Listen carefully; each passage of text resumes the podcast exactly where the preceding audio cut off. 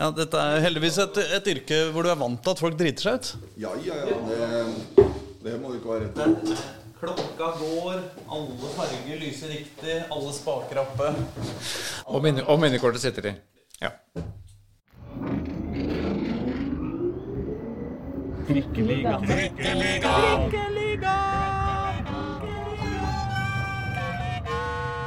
Mine damer og herrer og andre som måtte høre på, du hører i hvert fall på Trikkeligaen, sesong 2, episode 13. Jeg heter Aslak Borgersrud, og her borte sitter Reidar Solli.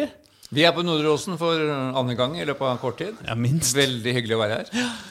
Og grunnen til at vi er på Nordre Åsen, det er jo fordi vi er interessert i å snakke med deg, da, Gard Holme. Ja, det kan ikke jeg forstå, men det er jo hyggelig at dere har lyst til å komme hit. Vi har våre interesser, vet du.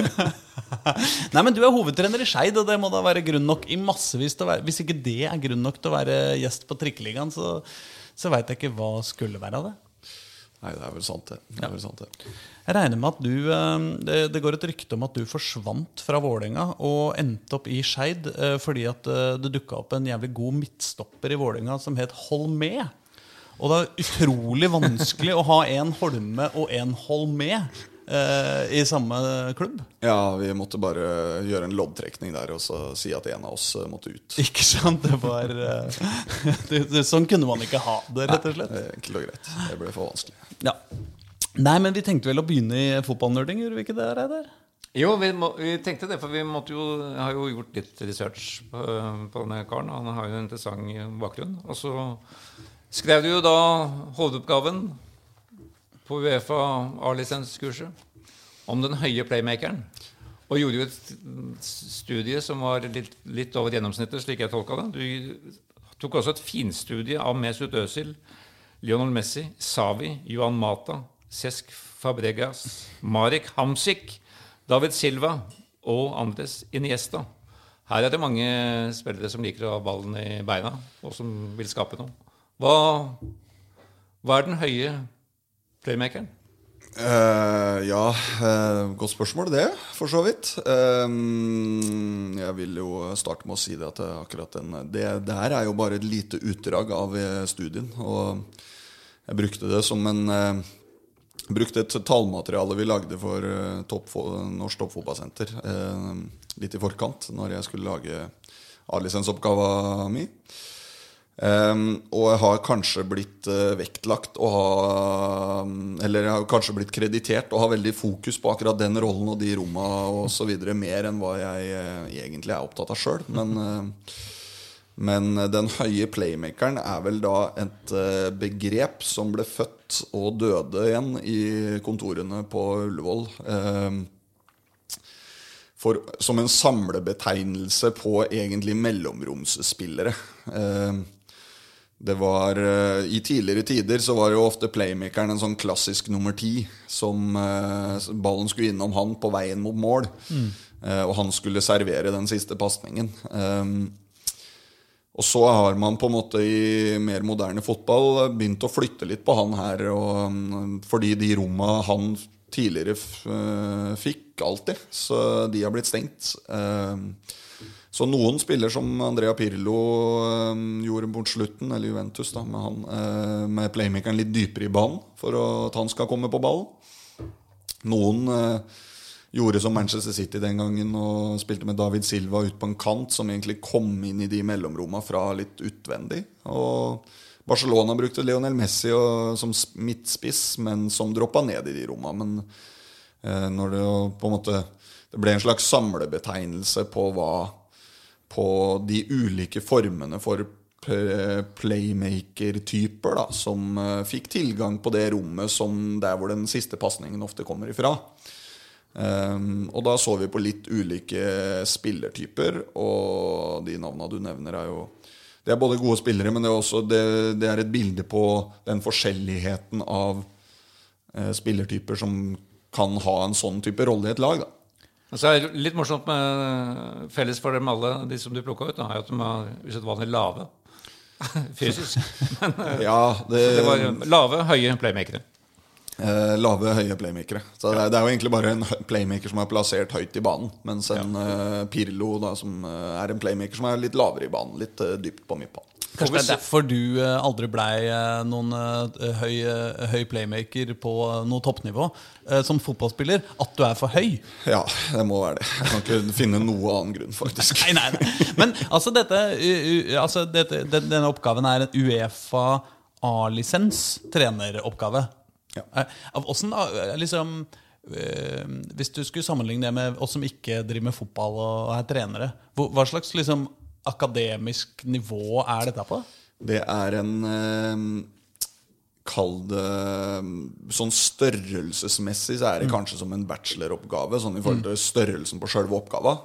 Men med veldig mye mindre krav til eh, Altså den er mer lettvint eh, skrevet, da. eh, I form til Hva heter det? Sånn eh, I forhold til de krava som stilles til oppgave eh, med referanser og alt mulig sånt. Men det jeg mener er, er dette liksom noe som eh, Noe sånn litt sånn irriterende etterutdanning man bare må gjennom? Eller er det liksom din identitet som menneske på dette tidspunktet er liksom fotballakademiker? Ja, for dette, er, er- dette er ti år siden. Ja, det er ti Ja, nei, nesten, i hvert fall. Eh, 2014 eller noe sånt, kanskje?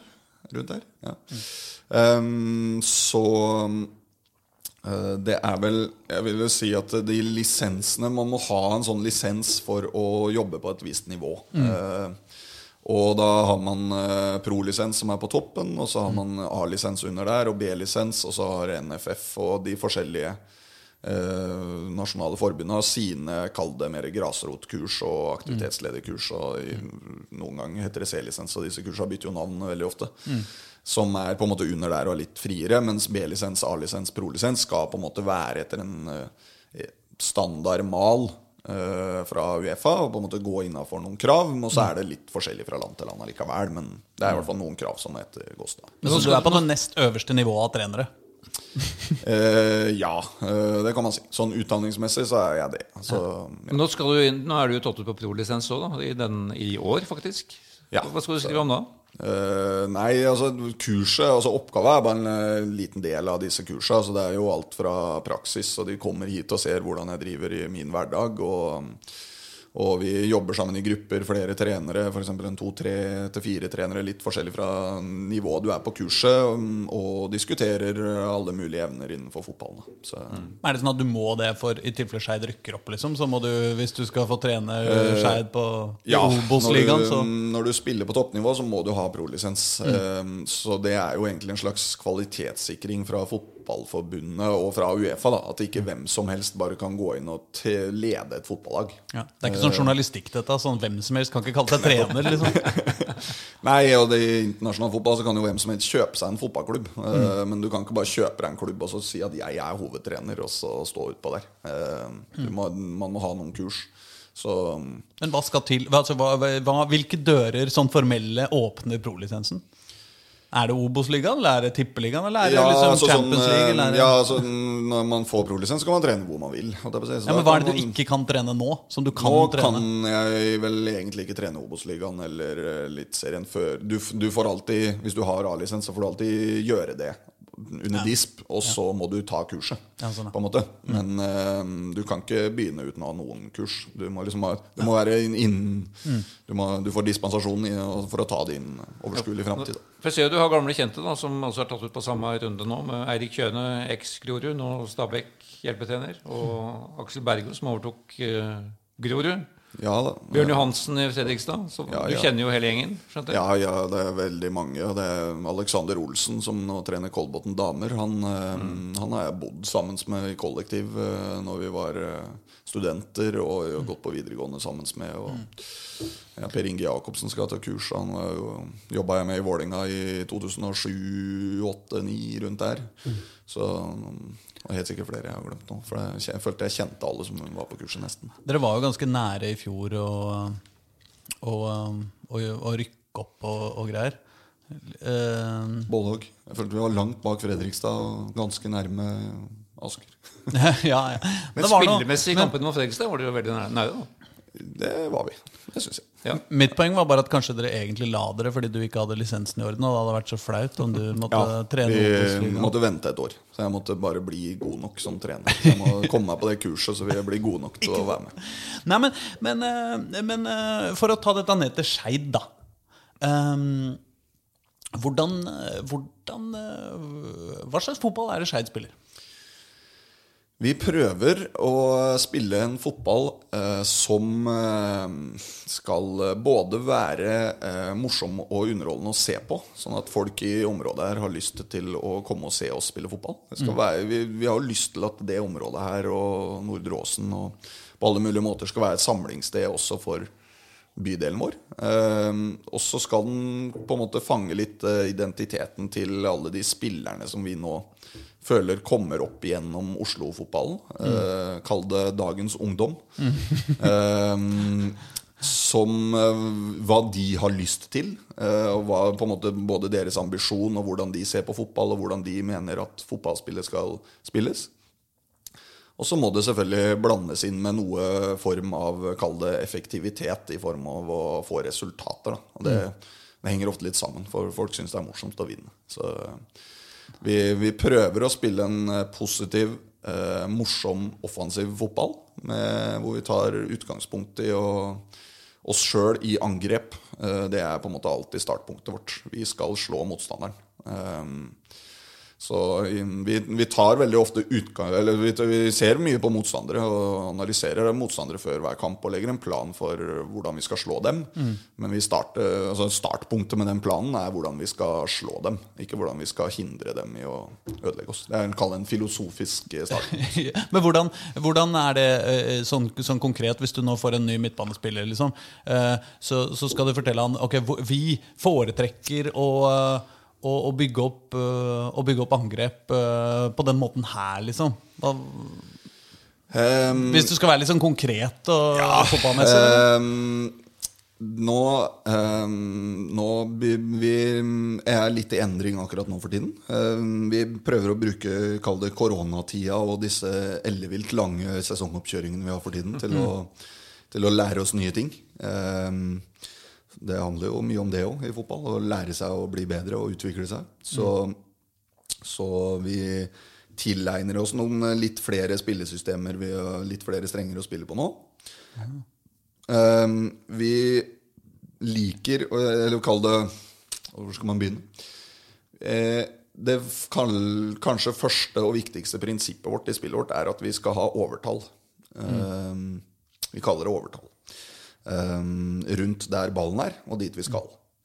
Så um, spiller motstanderen med én spiss, så spiller vi med tre eh, i bakre Eller i frispillinga. Spiller de med to spisser, så spiller vi med fire. Spiller de med tre spisser, spiller vi med fem, osv. Så, videre. så akkurat eh, formasjonen, strukturen, eh, måten vi setter opp laget, kan forandre seg litt fra motstanderens formasjon og figurering. Mens eh, mens eh, prinsippet vårt om at vi alltid skal på en måte prøve å spille oss ut bakfra og opp i banen kontrollert for å komme inn i de romma der hvor vi ønsker å komme, eh, det er det hver gang. Så vi, vi skaper et overtall bakfra eh, ved mm, både på antall og posisjonering. Og så spiller, prøver vi å spille oss kontrollert opp i visse områder av banen. Der hvor det er lett å komme seg inn i boksen til motstanderen. For det er der alle mål skåres. Men det er ikke forbud mot å slå den lange ballen for å unngå for høy risiko bak der? Uh, nei. altså det er jo Man kan dele risiko i fotball egentlig opp i to. Det er, det er risiko for å miste ballen. Uh, og det er kall det risiko for å miste din posisjon i banen. Eh, og du kan jo spille deg ut bakfra med ganske høy risiko, for hvis du mister ballen da, så er, da har du mista hele posisjonen din. Da er, du, da er det veldig utrygt. Mens det er jo veldig trygt å spille en langpasning. Du, du mister jo ballen langt unna eget mål. Ja. Men det er jo veldig stor risiko for at du mister ballen Ja. eh, ved å spille en langpasning. Så vi sier at vi, vi prøver å spille oss framover på en kontrollert måte som gjør at vi tar liten risiko for å miste ball. Men vi men, eh, Fordi vi ønsker å ha ball. Vi ønsker å styre og diktere spillet. Eh, Men vi skal jo framover, vi òg. Men det er ekstremt frustrerende å se på som supporter når laget ditt eh, Når, når liksom motstanderlaget virkelig setter opp høyt press og setter liksom fire folk opp på alle forsvarsspillerne dine, har en, eh, har en mann på seg som presser som faen, og likevel så insisterer du på å spille ut på en bekk eller en stopper. Liksom. Det, er, det er veldig sånn Da, da, da går eh, hjertet ganske fort på, på tribunen. Ja, og så er det jo, som vi sier, vi ønsker jo å skape overtall rundt ballen og dit vi skal. Mm. Uh, og hvis motstanderen presser veldig veldig høyt, så mm. kan det jo være smart å prøve å lage det overtallet litt høyere opp i banen. For hvis de sender veldig mange fram, så, mm. kan, mm. så er det jo ganske store rom litt høyere opp i banen. Mm. Så lager du overtall der. Så kan det være smart med én eller to korte pasninger først for å få lokka dem ordentlig. Tro at nå har de oss, og så spiller vi rett forbi dem. Det er det vi kaller å spille på seg press, er det ikke? Jo, det kan man si. At du liksom uh, Så Du får, uh, får motstanderlaget til å, å, bevege seg steder de kanskje egentlig ikke hadde, hadde ja, det er, Når motstanderen presser et sted, så åpner det jo nødvendigvis opp noen rom noen andre steder. Ja. Så mye av angrepsspill, både mot høyt press, da, for å, liksom, å få dem ordentlig høyt opp i banen, hele laget, eller det mm. å når de ligger litt lavt og kompakt, og bare få ut han ene spilleren som åpner den lille luka du trenger eh, et annet sted på banen. Men har du sånn eh, Hvis, hvis uh, nå i uh, august, da, i, en, i bare en middels interessant kamp, så, så skårer Skeid et mål, og du går virkelig helt bananas på sidelinja og ikke sånn, kysser materialforvalteren på munnen og ra, drar av deg drakta og slår hjul og greier. Det tror jeg ikke, uh, det tror jeg ikke kommer til å skje. Nei, bare fordi at målet var akkurat sånn Det var skåret akkurat sånn som dere har øvd så mye på. Mm. Liksom som du har skikkelig lyst til å Det er sånn du vil at Skeid skal spille. Går det an å beskrive det målet? Sånn konkret, liksom? Uh, det er vel uh, Det er jo noen ting vi øver mer på enn andre ting. Uh, jeg tror vi da har spilt motstanderen så ut at du triller ballen i tomt mål fra tre meter. Ja. Så den siste pasningen er bare en pasning på tvers av målet til en som setter den i tomt mål. Ja. Da er det helt perfekt. Men det er ikke alltid vi trenger å gjøre det så vanskelig.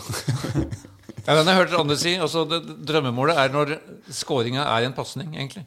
Du kan bare, ja, bare skyve den Bare, bare spiller den enkelt i tomt. Men hvor, hvor, er det dere da har vunnet eh, over, Hvor er dere har fått overtallet da? liksom? Er det helt tilbake i forsvarsleddet, og så har dere allerede fra når dere har fått ballen opp til midtbanen, så har dere på en måte en, en, en overgang-type, eller er det en eh, liksom ja, det er veldig mange trenere som er um, Kall det opptatt av å uh, Som er opptatt av en mer sånn possession-orientert fotball. Da, som ønsker å, å, på en måte styre kampen med ball, sånn som vi er. Mm. Uh, som er veldig opptatt av hvordan de spiller seg ut bakfra. Mm. Uh, og hvordan de spiller ut mot høyt press. Og syns nesten det kuleste som fins, det er å klare, når motstanderen presser deg høyt på din banehalvdel, å mm. klare med en tre-fire-fem innøvde trekk å mm. spille ut motstanderen. Mm. Det er noe av det vi egentlig bruker minst tid på, skal jeg være helt ærlig. Det er, liksom, det er mange faser av fotballkampen, og det er kanskje den som betyr minst for resultatet. Mm. Og så bruker vi tid på den, for det gir jo betingelser for det som skjer videre. Men vi bruker veldig mye mer tid på det som skjer rundt boksene, eh, både offensivt og defensivt. Mm. Eh, for det er der, eh, det er der, det er vanskeligst. Det er der du har dårligst tid. Det er der, ja, det er der kampen avgjøres. Og så vil jeg si at vi jobber veldig mye med å komme oss så nærme mål som mulig før den siste avgjørende pasningen. Og mm. at den siste avgjørende pasningen skal komme på en sånn måte at det faktisk er ganske relativt lett å score. Mm. Når vi først er i en posisjon der vi kan skåre. Mm.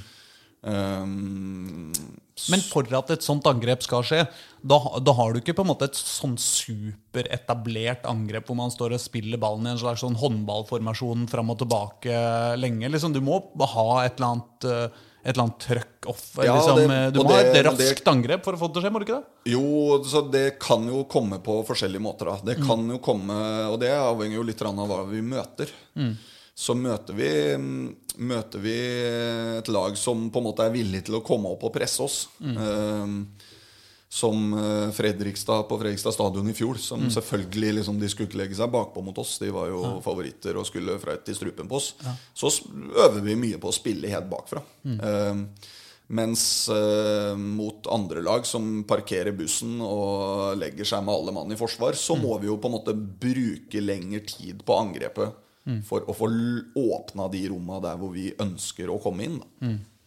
Ehm, og da må vi angripe på en litt annen måte og være litt mer tålmodige. Og det, det kan se litt sånn sakte ut og kjedelig ut, men det er for å prøve å få dem litt fram. da Og bruke litt tid. Ehm, Men um, ja, det, det vil variere litt fra motstander til motstander. Har du noen hemmelige triks der for å få liksom, når, når motstanderlaget virkelig har parkert bussen, og så står en av dine spillere med ballen i beina på midtstreken og bare Hei, kan ikke dere komme opp hit litt, liksom? Kan ikke dere gi oss noe å spille på? Er det, er det noen hemmelige triks eh, å få det i gang? Om det er noen hemmelige triks, vet jeg ikke. Det, er, det, er jo, det som er vanskelig i fotball, det er jo å få uh, alle til å forstå det samme samtidig. Fordi det er veldig mange situasjoner i fotball som er ganske like, men hvor det er ganske sånn opplagt at her gjør vi det ene, mens her sånn så gjør vi noe annet. Mm. Og det å få alle elleve spillerne på ditt lag samtidig til å forstå at nå er den situasjonen der hvor vi skal gjøre sånn her. Mm. Uh, alibi. B. Eh, mens samtidig motstanderne ikke skjønner hva vi driver med. Det er jo litt av clouet, da. Eh, men samme hvor lavt motstanderen ligger, så går det an å lage noen overtall noen steder der hvor det kan være effektivt å få overtall. Altså, Så, så vi har jo noen triks om å spille noen pasninger i spillet vårt, så vi får lokka noen motstandere ut uh, litt, og så kan vi true det rommet bak. Vi må, litt, vi må jo tilbake til uh, en av Norges mest lidenskapelige fotballbyer, som du faktisk kommer fra. da. Du kommer jo ikke fra Oslo. Den- Det var jo en lidenskapelig fotballby på 60-tallet her, med fire lag i, på øverste nivå. Men eh, hvordan så guttungen og fotballspilleren Gard Holme ut i Nylende, var vel klubben Ny, det? Nylende IF, det var der jeg begynte å spille fotball. Um, det er jo på en måte min lokale klubb på Rollsøy. Rollsøy har to klubber, uh, så det spørs litt hvor på Rollsøy man som da er en bydel i Frekstad, mm. uh, man hørte til. Ehm, jeg er født og oppvokst litt ut på, ut på landet, så da, da var det naturlig å dra til Nylende. Det var kortest. Liten lokal klubb som eh, tok veldig godt vare på de, oss som var der. Ble veldig glad i fotball, alle som en som var der. Eh, veldig gode trenere på, på akkurat det. Eh, til å skape miljø og eh, veldig god klubb å vokse opp i. Så tror jeg det var ingen av oss som ble dritgode i fotball. Så kan hende vi hadde klubben og vi hadde Både spillerne og trenerne hadde noe å gå på i forhold til eh, hva som skulle til for å bli best mulig i fotball. Men eh, vi, eh, det var et veldig godt sted å vokse opp for å, eh, for å bli glad i fotball. Og hva slags spiller var du? Jeg var en dyp, sentral midtbanespiller som trodde jeg var playmaker, men egentlig var ganske dårlig med ballen og best i forsvar.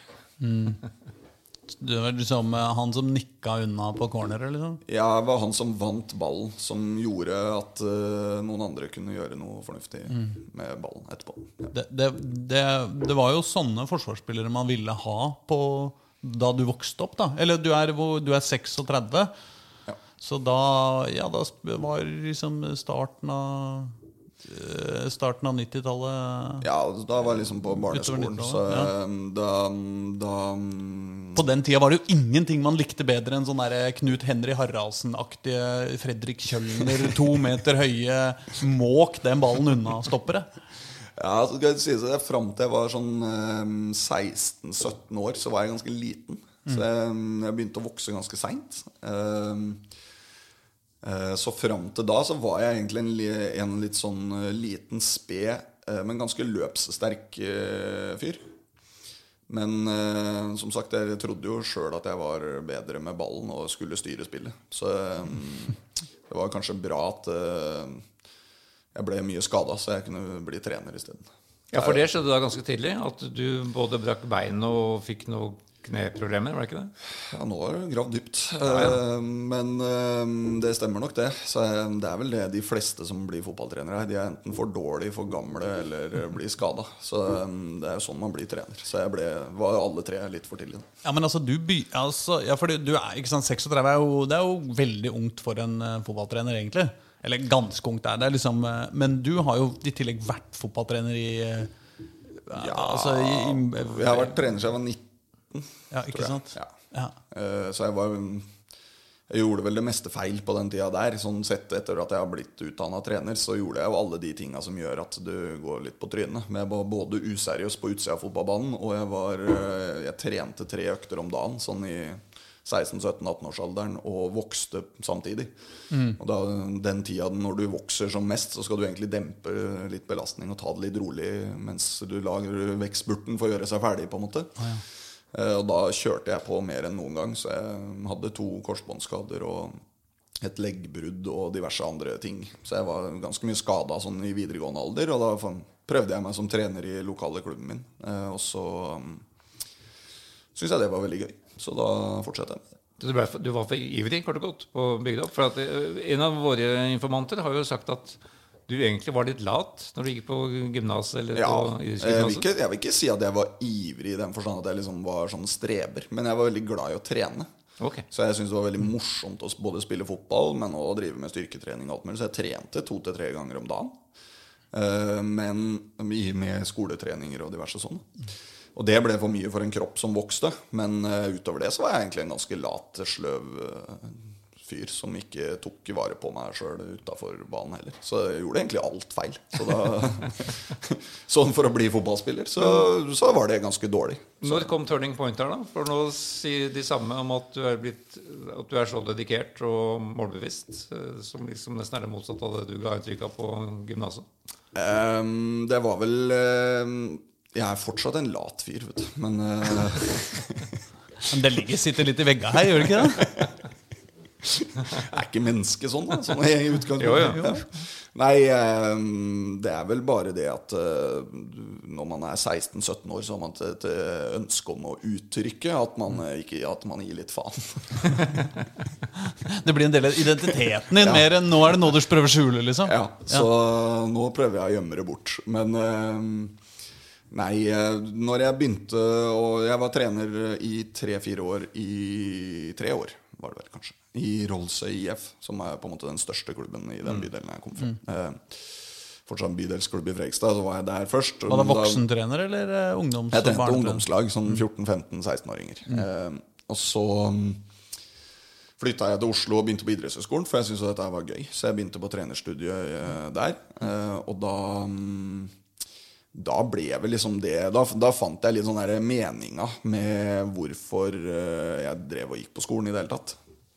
Så eh, jeg var ganske flink på skolen, eh, på barneskole og starten av ungdomsskolen. Og så gikk det bare rett dundas etter hvert som jeg ikke skjønte hva, hvorfor jeg drev med dette her. Og så, når jeg da fant litt hvorfor jeg skulle drive med ting, så ble det jo gøy igjen. Og da, kall det, da er jo faga du holder på med, da gir jo de mening. Så da er det jo Da jobber du litt hardere for ting. Hvilke klubber kobler kobla du deg på da, her i Oslo? Jeg begynte i Vålerenga.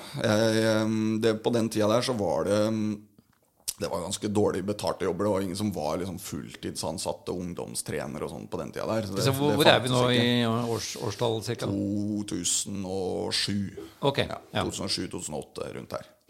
Da, da var det Lyn og Vålerenga som var de to store ungdomsavdelingene i Oslo. De som lagde mest spillere. Og Skeid eh, var jo det òg.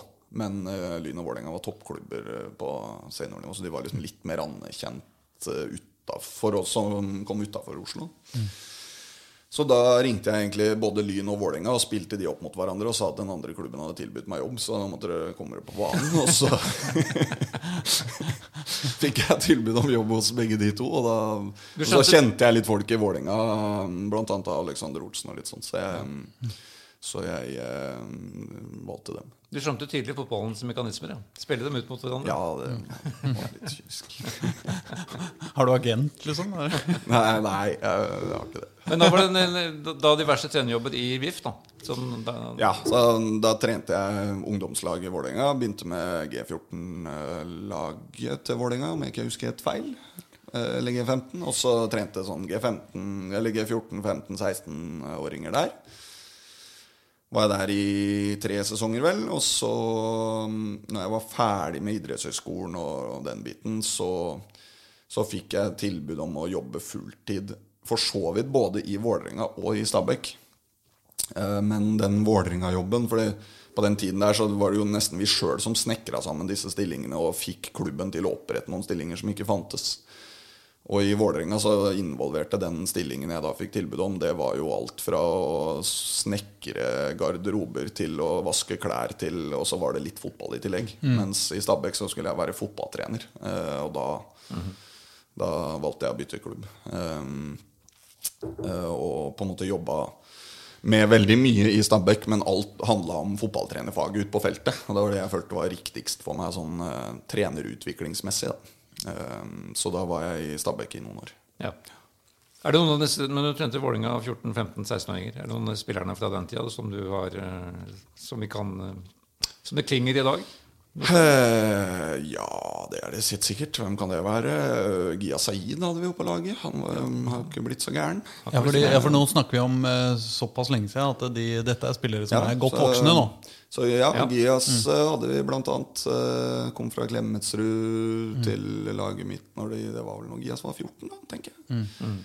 han var jo knapt høyere enn Bol her. Eh, Men eh, allerede da blant de aller beste og kvikkeste. Og, Ja. og ja, han, du, du så allerede det han er god på nå, da. Så, Og en av de ivrigste. Det er, er noe av det som gjør at han har blitt så god òg. Han er en av de som er best til å trene og har lyst til å utvikle seg. Første pakistans, pakistanske spiller i Mesterligaen, faktisk.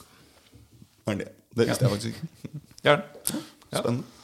Utviklet av Gard Holme. På, Jeg, tror ikke, jeg skal ikke påstå at jeg har utvikla GIAS, men jeg, jeg, der er jeg faktisk veldig enig med han godeste Leif Olav Valnes, som har Karsten Valum. At uh, en god trener han får lov til å være en som får lov til å stå og ta, bli tatt bilde av sammen med gode utøvere. Det er, det er litt sånn jeg føler det òg. Jeg har fått lov til å være treneren til en god del gode fotballspillere. ja. Det er litt uh, annet.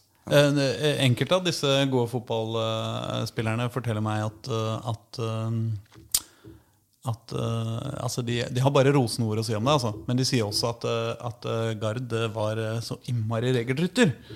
Uh, Sånn at uh, blant annet Hvis man dro på turneringer utenlands eller utenbys, og sånn, så var det, så var det f.eks. godteriforbud for Vålerenga-spillerne. Eh, Og det, det var de ganske rasende på en periode, ungdommen. Spennende. Det har jeg glemt. Men eh, Nei, eh, der har jeg vel egentlig alltid vært litt sånn at jeg har aldri trodd at noen har, opp, eh, har fulgt de reglene jeg har satt. Så jeg har tenkt sånn at hvis vi hadde lagt hvis det hadde vært fullt lovlig å, å spise hva du ville, så hadde hele laget kommet hjem fulle på natta. Men hvis vi setter grensa på godteri, så bryter de de reglene. Men da holder de seg i hvert fall unna det som er enda litt verre. Ja, ikke sant? Eh, Det er egentlig litt sånn jeg har tenkt. Så, så du, du, Så hvis de faktisk har fulgt de reglene, så har de gjort mye mer enn jeg trodde. ja, nei, så du, Egentlig så burde du nekte de å spise gul- gulrøtter og, og Ja, brokkoli. Ja, Fordi da, da, da er det det de Ja, eh, Det var vel et forsøk på å tenke hvordan jeg sjøl var som ungdom. Så hvis regelen var det, så holdt jeg ikke den. Men jeg brøt den ikke mer enn liksom lite grann. Men hvem er de eh, hvis du, altså, jo, for, Så var du i Stabekk eh, i en periode Hvor lenge var det der, da? Eh, tre, fire, tre, tre år, kanskje? Ja. Og så, og så var du i Trom... Jeg var i Tromsø etterpå. Det, det var litt sånn Jeg jobba i Stabekk. Eh, Kall det nærmest på fulltid. Det var vel en 100% jobb, men jeg var 70 ansatt. Ja. Og da trente vi eh, ganske mange lag. Vi hadde Stabæk var Når jeg kom til eh, Stabæk fra Vålerenga, så var de litt sånn Da skøyt de virkelig fart i ungdomsarbeidet. Ansatte egen trenerutvikler. Det var helt nytt eh, på den tida. Altså en som skulle jobbe med å utvikle meg. Det var dritkult. Oh, ja, Eh, og liksom masse, Det var ni-ti ansatte trenere, sånne ting. Eh, og så kom jo hele den derre runda med Kall det nærmest konkursen, hvor de ble kasta ut av Telenor Arena, og alle nedturene kom på én gang i Stabekk. Så da hadde vi jo satt i gang masse prosjekter. Vi drev, vi drev eh, både gode ungdomslag, men vi hadde jo også satt i gang masse barnefotball, både i egen klubb og i samarbeidsklubber rundt oss. Og så mm, kom den økonomiske nedturen, og da var vi brått tre mann igjen til å gjøre en nimannsjobb. Så det, vi jobba jo døgnet rundt. Så jeg hadde treninger med alle laga i Stabekk, fra gutter fem til og med juniorlaget. Og så var jeg analytiker på A-laget. Eh, i løpet av liksom en sånn måneds tid da, så hadde jeg vært innom alle. Fordi jeg hadde dem ikke i alle treninger hele tiden, men jeg hadde i hvert fall en tre-fire økter om dagen. Fordi vi måtte jo bare få dette her igjennom. Hva var det som var hverdagstrener der da? Det var, når jeg var analytiker, så var det det året Petter Bell, eller de, den tida Petter Belsik var der. Altså, så før det så var jo Janne Jønsson og Ja. ja. Sånn. Eh, Så jeg trente sønnen til Janne Jønsson. Han var veld, veldig bra barnespiller da han var 8-9 år. Han Ok, eh, ja. spilte samme Det var den generasjonen som Herman Gelmøyden og sånn, eh, som nå er i Nå er han vel tilbake i Stabæk, tror jeg. Ja. Ja, det var noe Var i ja, Nederland. Ja. Så mm, når de var sju-åtte år, så hadde jeg den gjengen der. Og det er gøy- kult å se hvordan de liksom nå kommer opp og Mm. blir gode. Men da jobba jeg det. Det var en 70% stilling. Og så jobba jeg 70% stilling for da Norsk Toppfotballsenter i tillegg. Eller Toppfotballsenteret. Og det, det var også 100% jobb på 70% betalt. Men jeg kunne ikke si at jeg skulle ha 100% jobb, for da var jo kravet at jeg var der til fire hver dag. Men jeg måtte jo løpe av gårde sånn i ett. Ja. Så jeg Dette høres ut som oppskrift på å møte veggen. Ja, så det var vel det man gjorde på et vis òg. Så jeg gikk opp en 20 kilo i kroppsvekt på halvannet år. Og liksom, det gikk jo bare rundt i svime. Jeg var på jobb til over midnatt flere dager i uka. Og, sånn, og da fant jeg ut at sånn her kan man jo ikke ha det. Og da tenkte jeg at nå skal jeg bare bryte ut av hele greia og dra et annet sted. Så da jeg, fikk jeg mulighet til å dra til Tromsø. Jeg hadde litt kontakter der. Og så begynte jeg å jobbe på NTG og eh, trene juniorlaget til Tromsø. Så det var en måte å komme meg ut av noen dårlige Egentlig et veldig veldig utviklende og et veldig veldig bra miljø, både i Stabæk og i Toppfotballsenteret. Men eh, totalen av livssituasjonen var at nå måtte jeg bare endre på ting. Men Tromsø er en fin by å dra til. Tromsø er en veldig veldig fin by. Trivdes veldig veldig godt. Så mm, egentlig litt rart at jeg dro derfra. Så apropos fotballens eh, små miljøer, som jeg snakka om. Du bodde da hjemme hos Thomas Hafstad, skjønte jeg, delvis der oppe. Som nå da er eh, vel nyansatt i Vålinga som eh, utviklingsleder. Ja, jeg bodde, jeg bodde litt hos Thomas sånn helt i starten. Og så bodde, leide jeg og en Lars Petter Andresen, som jeg jobba sammen med, som nå er assistenttrener på A-laget der oppe. Eh, vi leide huset til Truls Jensen og familien til Ruben og okay. Ulrik Yttergård og Jensen og de. Eh, Fordi de, Da hadde jo Ulrik var det vel drar i Frankrike, og Ruben var i Tyskland, og Truls faren var i Brann og jobba der, så de hadde tomt hus i Tromsø, så da leide vi det. Så hadde vi et svært treetasjes hus, eh, jeg og en kompis til. Det er veldig fint å ha på den tiden. Man er i 20-åra og bor i en fin by. Ja, ikke sant? Men så ble du da hovedtrener for VIF 2. Ja. eh, Da- ja. Da er vi tilbake i eh, 2015. 15. Ja. Ja. Så jeg var i Tromsø, så jeg hadde egentlig tenkt å fortsette å være i Tromsø. Jeg hadde akkurat fått meg samboer eh, i Tromsø, eller i hvert fall kjæreste den gangen. Og jeg hadde, kjøpt, jeg hadde akkurat leasa meg en bil i Tromsø. Jeg hadde kjøpt leilighet i Tromsø alt mulig rart. Men så kom Vålinga på banen, og Vang da, som eh, toppidrett, som jeg ble sportssjef der. Eh, og den gangen liksom tilbake når jeg gikk på idrettshøyskolen, så var det liksom et av de tinga jeg satte meg opp som litt sånn mål. Det var liksom, Jeg syntes det, var- det var litt stas det å være sportssjef på Vang og, og jobbe i og juniorlaget til Vålerenga. Så når den jobben kom, så følte jeg liksom det var riktig. Og det liksom, jeg var veldig fint i Tromsø, men jeg, jeg hører jo til på Østlandet. og Familien min her nede og liksom alle venner og alt sammen er jo her. Så jeg, det var liksom riktig å, å flytte hjem når sjansen kom. Så da, da kom jeg dit, og så hadde jeg Vålerenga i juniorlaget i fire år, og, og rekruttlaget. da. Og så mm, et år som trenerutvikler. Et år som Trenerutvikler til Ja. slutt, som eh, ja, litt sånn, Kall det mer sånn faglig ansvarlig i utviklingsavdelinga til Vålerenga, som får jobbe med å både sørge for at vi spilte og trente på en eh, felles måte i hele klubben, og at vi og jobber med å utvikle treneren. Hva er, hva er den største forskjellen på å trene VIF 2 og Skeid, A? Det er ganske stor. Um, og jeg sier det til mange, at uh, det er en mye lettere jobb å trene Skeid sitt A-lag enn å trene et andre lag og et juniorlag i Vålerenga f.eks. Eller Tromsø, for den saks skyld. Ehm, det er ehm, Når du er A-lagstrener, så får du jo alt som du vil, på sett og vis. Altså, det, er, det er jo jeg som bestemmer åssen vi skal ha det. Så alle andre må forholde seg til meg. Altså, alt er på til Alt er relativt. Men eh, man, eh, man får det jo mye som man vil. Da, og ting blir lagt opp etter at vi skal gjøre det best mulig. Og da kan vi jo da kan vi trene som vi ønsker, så lenge ikke det kommer noen sånn pandemier og ødelegger og sånn. Um, og vi kan uh, på en måte tilpasse oss og spille som vi vil og trene som vi vil. Og, og de andre må på en måte bygge seg opp litt etter hva vi ønsker. Mens er du andrelagstrener, så er jo du han som må tilpasse deg og sondere det terrenget og prøve å få et lag til å funke mm. midt imellom to andre lag. Mm. Så du er mellom et A-lag og et juniorlag som Uansett hvor du er i verden, så hvor strømlinjeforma ting er, så er de aldri helt likt. Det er forskjellige spillere, det er litt forskjellige trenere. Eh, og så skal du få dette her til å gå i hop, og noen trener i den gruppa, noen trener i den gruppa, og du har kort tid på å sette det sammen. Så å få det til å bli optimalt, det er vanskelig. Mm. For da er det både at du er varmestue for eh, de spillerne som A-laget vil ha til å få, i gang, få spille i form. I tillegg så kan du ikke velge formasjon sjøl og, og, spille egentlig som fotball du har mest lyst til. Fordi A-laget spiller 4-3-3 i den med den modellen, ja. og sånn er det. Nå, nå har Kalle vært heldig. Da, så, sånne som øh, f.eks. Ronny, som var øh, til slutt hos oss, eller Kjetil òg, for den saks skyld i Vålerenga, har vært mm. ganske pragmatiske på det der. Mm. Eh, så vi har jo tilpassa oss litt, vi. Men det er jo en fordel oss å ligne ganske mye på dem. For det er jo det de spillerne trener på i hverdagen. Så det ville vært dumt, vært dumt av oss å spille på en helt annerledes måte. Mm.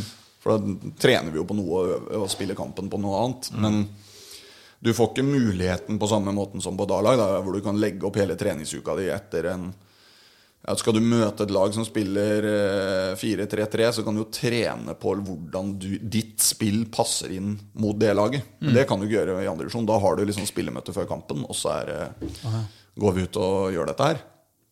Og så er det, er det jo litt den derre motivasjonsgreia òg. Alle spillerne har jo lyst til å være A-laget, Så de som det er jo mange, i hvert fall, ikke alle, men mange som kommer ned fra Nasdal til, et annet lag, ser jo på det som en nedtur. Mm. Fordi de hadde jo lyst til å spille kampen dagen før. Mm. um, og da må du jo kunne trykke på noen knapper da, for å få dem til å forstå at uh, fader, det er både morsomt å være her og, og uh, faktisk ganske bra for deg å gjøre det her på en ordentlig mm. måte. Mm. Så det er en veldig annerledes utfordring. Men, og på mange måter så er den tøffere. Og så er det jo selvfølgelig mange ting med en A-lagstrenerjobb som er mye vanskeligere enn et andre lag. Fordelen er kanskje at som et sånt eh, rekrutt- eller andrelagstrenerjobb, så kan du liksom, når du virkelig må spille om å beholde den plassen, så kan du ta en prat med Kjetil Rekdal og spørre om du, unnskyld meg, de der eh, tre spillerne der som er dritgode, kan ikke vi låne dem akkurat neste uke? Fordi da redder vi plassen, liksom, og det betyr mye for hele klubben. Ja, det gjorde vi en gang. Da rykka vi ned. Fortell. Hva skjedde? Nei, altså Det er, skal, det er veldig mange jo, vi, vi, vi, vi, er bare blant venner her nå. Ja, det, det, ja, ja, Nei, vi, vi skal det, Når man rykker ned, så er det veldig mange grunner til det. Så man skal være forsiktig med å, med å si hva som er grunnen. Fordi det er et veldig mm. komplekst bilde ofte. Mm. Det er en veldig fin erfaring å ha tatt med seg. Men vi levde jo på en knivsegg fra om vi klarte oss eller rykka ned i andredivisjon med Vålerenga 2 mm. lenge. Mm. Eh, så året før der så klarte vi plassen fordi Finnsnes og Brumunddal spilte uavgjort. Og da rykka begge de to ned. Så begge, altså en, De måtte jo score på overtid, mm. så det ble uavgjort. Sånn at ikke begge laga bare satsa alt i angrep. Mm. For på uavgjort så måtte jo begge ha mål. Så da det, det skal mye til at det blir uavgjort. Da. da hadde vi jo kjempeflaks at de spilte uavgjort på slutten, som gjorde at vi klarte oss. Så, mm, og sånn var det i mange, kamp, mange, sesonger. Og så til slutt så var det stang ut. Da. Um, det er jo bare med nivået vi var på. Jo, Men fortell men, om den konkrete situasjonen nå. Det, det mens eh, det året vi rykka ned, så mm. vi, vi følger jo det at skal du ha et bra andrelag, og i hvert fall i, sånn det var i Vålerenga, så måtte vi ha en god stamme med juniorspillere som var på en måte bra nok til å spille andredivisjon, mm. men som var i juniorstallen, og som ble liksom stammen i laget. Mm. Sammen med de unggutta i A-stallen som ikke helt var gode nok for å spille Eliteserien, men var i A-stallen. Det var liksom stammen i laget, og så krydra man det med noen ekstraspill. Mm. Og så var vi litt eh, kall det uheldig udyktige det året, så vi hadde mye skader på eh, spesielt midtstopperplass. Mm. Um, på de spillerne som liksom, det var de beste juniorene, eller de unggutta i Astana. Så de gutta var eh, ute med skade. Eh, Er det noen og- spillere hvem, Jeg vet ikke hvilket år vi snakker om nå. Ja. Her, Er da liksom- snakker vi typer som eh, Markus Nakkim, Ivan Nesberg, ja. Jonas Levernes, som var i Vålerenga da. Eh, husker jeg ikke helt hvem som var skada på én tid. Og sånn, da. Men de, de kulla der, da. Eh, også mm, også så mange av midtstopperne våre var ute. Og da, da, da løste vi det med å bl.a. bruke en del etablerte A-lagsspillere som kalte spilte andre plasser, da, som midtstoppere. Det, fordi de, de var jo gode fotballspillere, men de var ikke nødvendigvis midtstoppere. Og så istedenfor kanskje noen unggutter uh, som ikke hadde noe erfaring. Og så er det bare en bitte, bitte liten del av eh, hvorfor det der gikk gærent. Så vi, mm, vi eh, gjorde veldig mye feil det halvåret der. Men du har vel tegna ut at du ikke tok noe særlig mer poeng med, med, når du brukte såkalte A-lagsspillere kontra Ja, det er jo kanskje noe av grunnen, det, da. Ikke sant? Vi, vi, på de fire åra jeg hadde Vålerenga, det var litt samme bilde i Tromsø også, men i hvert fall i Vålerenga, så på de fire åra så tok vi vel 0,1 poeng mer når vi hadde med etablerte A-lagsspillere, enn når vi hadde med bare spillere som var under 22, da. Som var eh, de som enten var på juniorlaget, eller var de unggutta i avstand som aldri spilte på A-lag. Mm. det var en periode der hvor Christian Borchgrevink eller Felix Horn Myhre eller noe sånt var i Asdalen, eh, men de spilte jo ikke på A-lag. Ja. Eh, Så du kan jo ikke si de var tippeligaspillere den gangen. Men, eller eliteseriespillere, heter det vel nå. Eh, Men eh, Så de gangene vi brukte de, da de bare var 18-19-20-21 år, eh, og bare liksom hadde U22-spillere, da som er på en måte grensa i andre divisjon, så tok vi like mye poeng med det som hvis noen av de etablerte, erfarne gutta var med. Ja. Fordi laget ble ikke noe bedre av det. Han eh, Bakenga fortalte et eh, intervju i, eh, i, på en annen podkast, Heia fotball, her for noen uker siden. Veldig gøyalt intervju, forresten. Um, om da de hadde så sterk juniorstall i Rosenborg at de på et tidspunkt bare konfronterte treneren og sa nå, nå, må, nå må det bli en slutt på å få sånne deprimerte førstelagsspillere ned her. Nå, nå vil vi være i fred! Og så vant de fram, og så gjorde de det mye bedre. Ja, ja, og det, det er jo det er veldig forskjell fra spiller til spiller. Det er veldig forskjell fra klubb og kultur og miljø, det der. Eh, vet, jeg har jo egentlig aldri jobba med Dag Eilef da, i Vålerenga. Han kom egentlig i det momentet jeg i slutt da. Men jeg vet jo at i Odd så har de jo fått det der veldig veldig bra i mange år. Uten at jeg kan liksom si eksakt hva det er. Men der har de jo tydeligvis hatt en kultur der hvor det har funka veldig bra. da Å være med og bruke andredivisjon som en bra arena for å utvikle og holde de spillerne utafor startelveren på A-laget i form. Eh, og i Vålerenga òg så har vi, hadde vi i mange år eh, en veldig bra kultur eh, på de fleste av de spillerne som var med oss, på å gjøre det der på en ordentlig og på en bra måte. Og sørge for at på en måte det var morsomt å være med. Det, var, det var gøy å spille den andre kampen. Og så er det alltids uh, situasjoner der hvor det ikke var det. Enten fordi eh, spillerne overhodet ikke hadde lyst til å være der, eller du hadde jo noen spillere i Vålerenga som ikke ville det, men uh, og, eller av og til at en trener kanskje på et A-lagsnivå kanskje egentlig hadde lyst til å skvise ut en spiller, så han plasserte han eh, litt ut i kulda, og da får du jo ikke noe igjen av han spilleren. Nei, det er ikke så gøy. Så, men det, Altså, det, var jo, det var jo noen eh, Ja, for eksempel um, Israelsson uh, var vel der mens du uh, var der, var det ikke det? Eh, jo, men han, Som, han eh, spilte egentlig mest for andrelaget eh, litt eh, når vi var der. Eh, Mm. Men egentlig mest når eh, det året jeg var trenerutvikler, som jeg ikke Det Mm. året man var nede i tredjedivisjon. Eh, som man, man Da var det Tommy og David Tommy som som var- Tommy, ja, Tommy Berntsen som på en måte hadde laget da. Så Mm. jeg var jo med rundt i ganga likevel. Så, eh, Men du, ville han til slutt, men du ville ha et A-lag, og da havna du her. Ja, man eh, liksom, Jeg følte jeg hadde vært i Vålerenga i fem år, og jeg følte jeg liksom hadde gjort det jeg skulle der. eh, og at eh, på en måte det var Hvis jeg skulle gjøre noe annet i Vålinga, eller opp på et A-lag i Vålerenga, så måtte jeg på en måte skyve ut noen, fordi alle jobbene var jo tatt. Og det jeg er ikke noen sånn type som prøver å liksom albue meg fram innimellom. I hvert fall ikke mine egne venner. Så eh, det så jeg ikke på noe som noe sånn kjempenyttig poeng. Og så, så var det litt sånn at A-laget til Vålerenga hadde liksom allerede de typene som jeg, der hvor jeg kunne bidra med noe. Det, og da så jeg liksom Det var ikke noe det var ikke stedet for meg å være. Og da var det bedre å gå et annet sted. Og da når Skeid da ringte og spurte om eh, vi skulle ta en prat, så passa det egentlig ganske fint. Er ikke det også spillernes eh, på en måte naturlige karriereutvikling? At eh, liksom det, det går an å være liksom eh, ikke helt nå fram i, i, eh, i Eliteserien, men så, så kan det være veldig lurt å ta en, et, et skritt til Skeid, f.eks., ja. før, før du skal opp igjen og opp og fram? Ja, altså det, det er jo veldig mange veier opp, da. Så det er liksom en slags trapp. Så det gjelder, det gjelder, liksom å finne sin rute til opp og Ja. til toppen! Til, toppen. til, toppen, til Champions League-finalen. Ja, vi får se om vi kommer dit. Men du, vi har altså fått en masse spørsmål uh, fra ja. Vi må, vi må innom Skeid også, etter hvert. Ja, ja, ja, vi har jo vært litt innom Skeid. Men, ja, ja, men uh, det, dette er en måte å få, meg, å, å få oss inn på, på Skeid. Fordi de aller fleste spørsmålene handler jo selvfølgelig om Skeid. Det, det, skulle jo nesten bare mangle.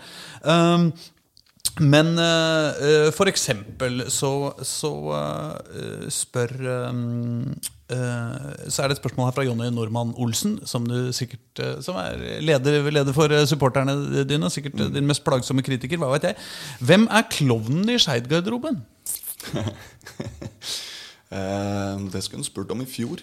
I fjor hadde vi en veldig tydelig klovn. ah, ja, hvem var det? da? Nei, Henning Tønsberg Andresen var en Han var veldig flink klovn. Han, han, tror jeg, hvis man kan eh, Det høres jo litt sånn negativt ut å være klovn i garderoben, men det er jo egentlig en veldig viktig rolle i en garderobe. Mm. Og Henning er nok kanskje Jeg hadde han i Vålerenga i noen år òg. Eh, en av de flinkeste klovnene jeg har hatt i en fotballgarderobe.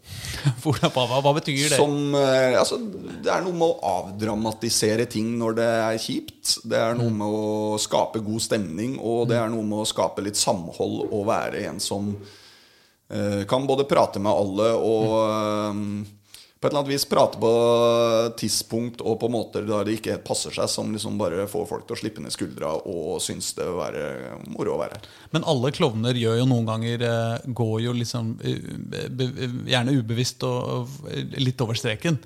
Sier, drar en vits når man virkelig ikke skulle komme med en vits, eller gjør en practical joke som liksom viste seg å ikke være gøyal.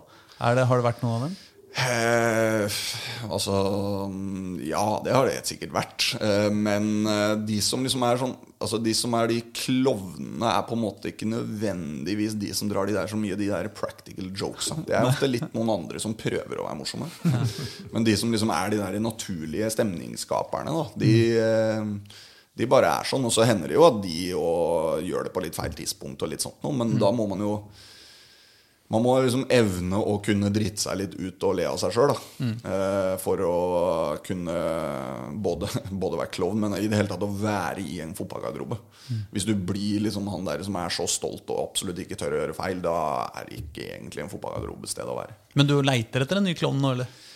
Eh, nei, vi har, mange, vi har, mange, interne kandidater, vi, skal jeg være helt ærlig. Eh, så vi har mye folk som kan ta en sånn rolle og være de stemningsskaperne. Og, sånn sett, det er litt sånn Klovn er litt sånn, kall det litt negativt lada ord. Så det, mm. det, er viktigere å være han som skaper godt humør. Mm. Eh, vi har en eh, f.eks. en Matar Ka, en eh, kjempefyr å ha i garderobene hos oss. Mm. Og så er det litt sånn nå, det er jo kall det trist, men vi lever jo i en tid der hvor vi ikke får være så fryktelig mye inne i den garderoben. Altså bare det pratet her fører jo at jeg har lyst til å Jeg savner jo fotballgarderoben. Fordi vi, vi, får lov til å trene, vi er heldige mm, som får lov til det. Men vi, mm, vi får ikke lov til å bruke garderober, så vi gjør ikke det. Eh, vi, mm, du har ikke vært i garderoben siden Askøy-matchen i desember? Jo, vi har, vi har, hatt perioder der hvor uh, Det har vært litt sånn av og på. Ja, okay. Men i de periodene der hvor vi har vært på, så har vi jo delt spillergruppa litt uh, tydeligere opp. Fordi hvis vi får litt smitte inn i gruppa, sånn, så er det jo dumt om alle 25 sitter mm. oppå hverandre inne i garderoben. For da blir jo hele gjengen smitta. Så, så, nå, i kall det eh, søken etter å bli den nye lagets klovn, så har vi vel kandidater i ulike grupperinger i gruppa som prøver å skaffe seg en posisjon. Så uttaket vil skje. Nei, så Apropos klovner.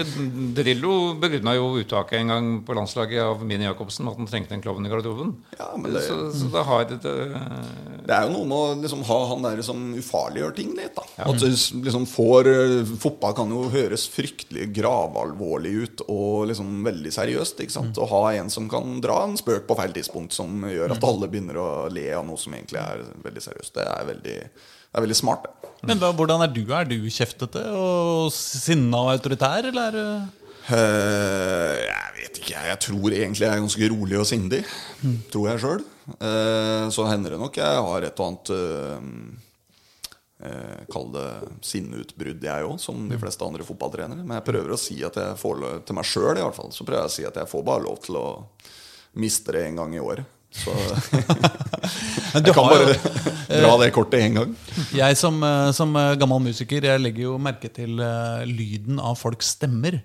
Og jeg må jo si at uh, veldig mange av, av trenerne i, i, i Fotball-Norge har litt sånn skrikete, kanskje hese stemmer etter mange år. Som, uh, på, på, på, mens du har jo en sånn eh, Det er jo sånn du, du, har- Det har jo gått et, et radiotalent tapt til det. jo Sånn buldrende bassstemme. Men som må jo være litt skremmende å bli skjelt ut av igjen. Bruker Ja, du det? det Liksom jeg er, ikke, jeg er ikke så veldig bevisst på det sjøl, men det kan vel hende det er en fordel å ha litt tyngd. Gud vet. Um, Andreas, eh, Andreas ME84 på Twitter spør hvilke spillere fra egne rekker kan vi glede oss til i år. Hvem skal stå i mål, og hvorfor forsvant Obiloro Keke til Asker av alle klubber? Eh, nei, altså, hvem er det Det var mange spørsmål på en Ja, gang. men men La oss hvem, begynne med eh, de unge, unge lovene da, som står på eh, døra og banker på. Det var keeperen du spurte om? ikke det? Nei, det var, det var neste på en måte delspørsmål. Det Det. var neste. okay. Nei, altså, Det er faktisk ganske mange. Eh, vi er eh, både i Nå i år har vi bytta ut en del spillere eh, i førsteelveren og i laget vårt, og i året før der enda flere. Så det er på en måte vi er midt oppi et slags generasjonsskifte i Skeid eh, sitt A-lag. Og det kommer jo av mange naturlige grunner, det. Når man liksom har, man har hatt en opptur, man rykka opp til Obos-ligaen, og så er man litt sånn ferdig med den når man rykka ned. Og så er det liksom mange som går litt hvert til sitt, og så skal vi bygge et nytt fotballag. Og nå føler jeg vi er eh, også sammen med at Skeid har tatt litt rev i seila i sin egen ungdomsavdeling de siste åra. Så det begynner å komme opp litt eh, flere gode talenter her igjen. Det var jo en veldig veldig god talentklubb, og så har det stått litt stille noen år. Og så begynner man å komme tilbake til der man hører hjemme, føler jeg. Um, og så mm, eh, Så nå kommer det opp ganske mange spennende spillere som banker på døra. Uh, og en del av dem gjorde det nok allerede i fjor.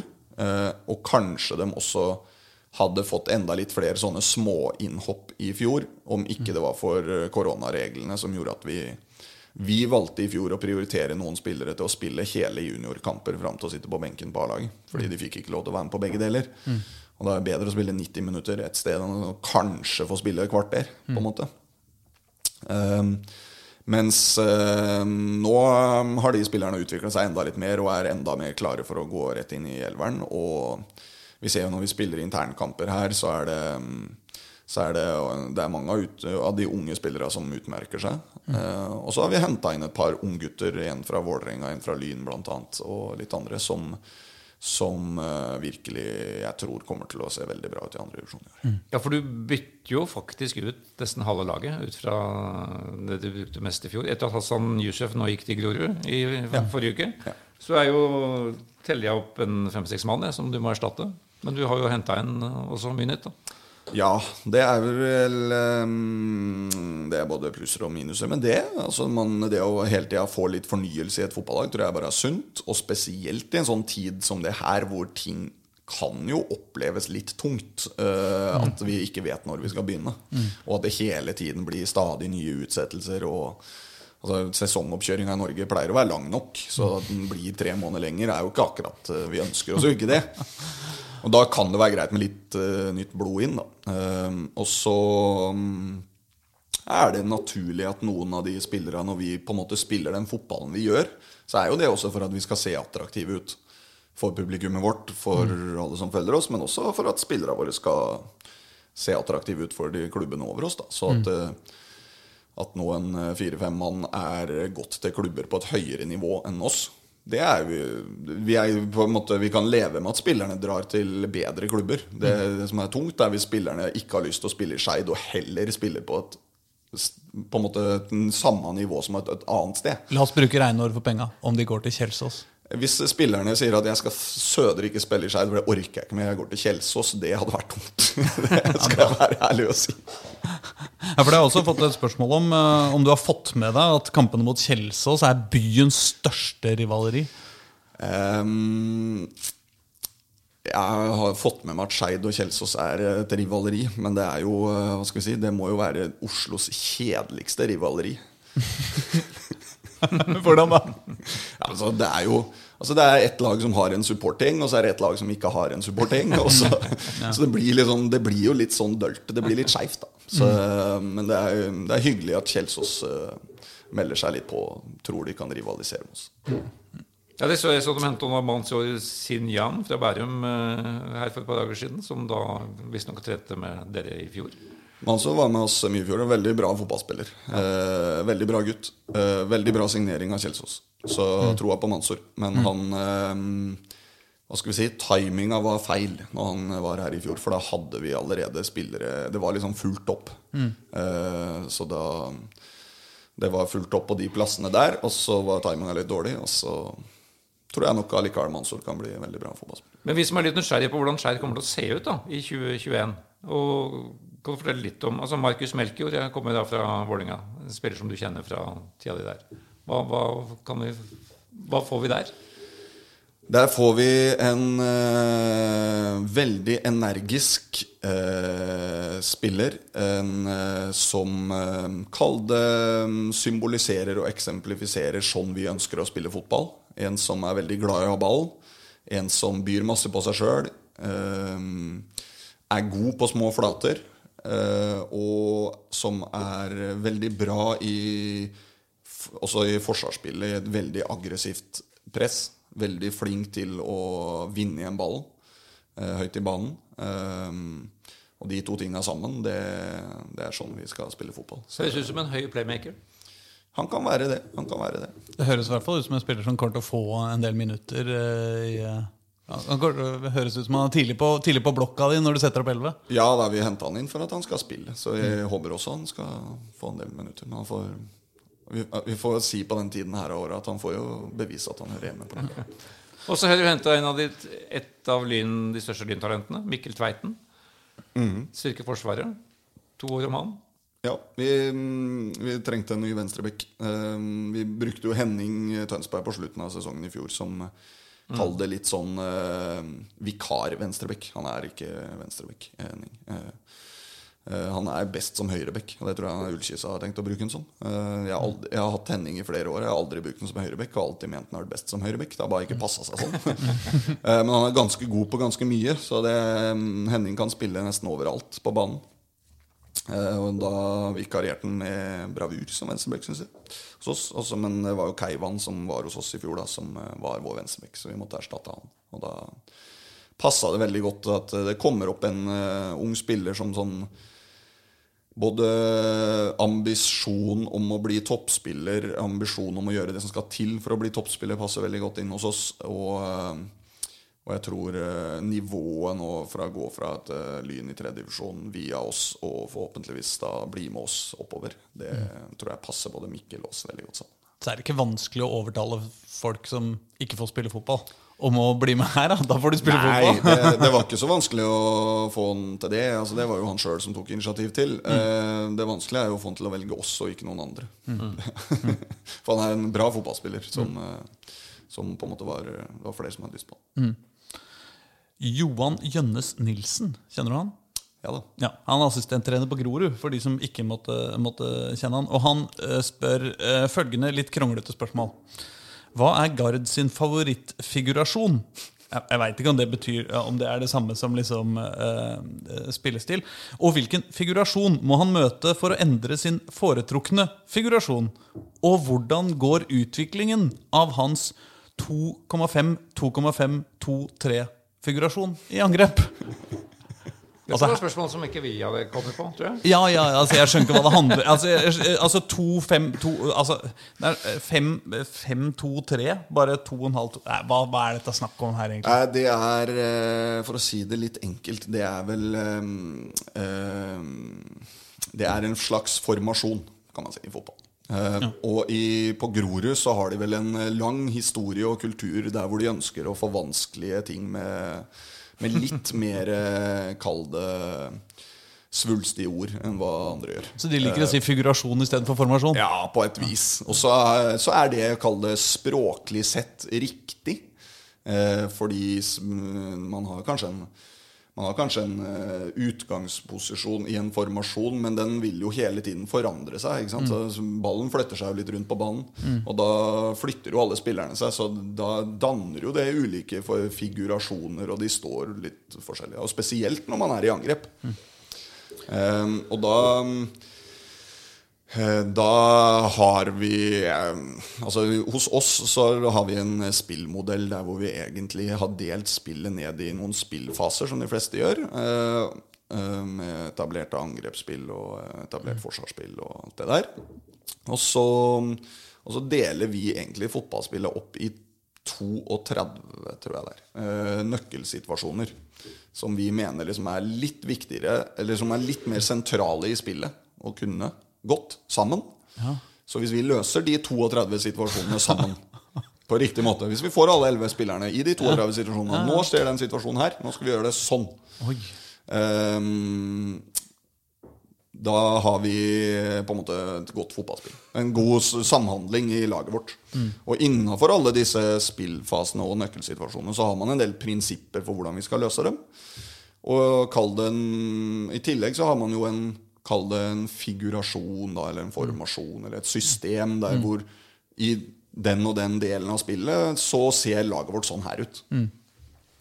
Og på et tidspunkt i spillet ser laget ditt ut som 2,5, 2,5, 2-3. Ja, det var vel en måte å beskrive at det er aldri helt statisk. Så Du kan ikke si at vi spiller i angrep 2-3-2-3, f.eks. Og vi kan heller ikke si at vi spiller 3-2. eh, 2-3. Så vi, det er en sånn midt imellom-sak. Så det var vel eh, noe vi drev og prata med over en Dypt nede i litt nerding for en del år siden. Men betyr dette at, at eh, spillerne dine eh, Altså, Hvordan Jeg identifiserer ville dere aldri disse sagt det der til spillerne mine. Nei, nei, nei. er. Nei, det er godt å høre. Men, men, disse, med disse 32 forskjellige situasjonene, er det sånn at de Å ja, nummer 19 ja, det der var en klassisk nummer 19. Da må jeg gå eh, til høyre her, og så må eh, Gunnar eh, gå på overlapp. Nei, det er egentlig En sånn kan jo være f.eks. når vi presser motstanderen høyt. Så Mm. når vi presser høyt, det er én situasjon i forsvar. Men når vi ligger lavt og forsvarer boksen vår, det er en, en annen sånn. Men er det sånn, har de, har Når de spiller ut bakfra, er det en sånn. Og da har du, hvis du summerer opp alt det der, så havner vi rundt en 30 stykken. Så. Ehm, Er det ditt system, disse 32, eller er det sånn eh, allment eh, jeg som alle tror, fotballtrenere Jeg tror det er ganske Det er, det er allment i form, av- i form av at eh, alle de situasjonene skjer i alle fotballkamper, og alle prater om de situasjonene, men vi har kanskje systematisert opp spillmodellen vår litt tettere knytta til noen situasjoner. Da. Det, Dette må vi lage en helt egen episode om en annen gang. Hvor vi går gjennom én og én posisjon og hvordan eh, Skeid-spillerne skal oppføre seg. Men uten at noen av Skeid-spillerne får lov til å høre den Ja. podden, selvfølgelig, for ikke forvirre dem. Uh, Andreas uh, ME, ja, eh, ME84, ja. Han spør også hvilken jokkelåt vil du helst høre på Nordre Åsen? oh, det kommer jo flere av de. Så um, det, er, det der er en sånn um, Jeg tror supporterne våre liker Jokke godt. Jeg tror eh, både vi trenerne og en del andre ledere i klubben liker det godt. Og jeg tror spillerne våre ikke skjønner en dritt av hva den der gammalmannsmusikken på tribunen er.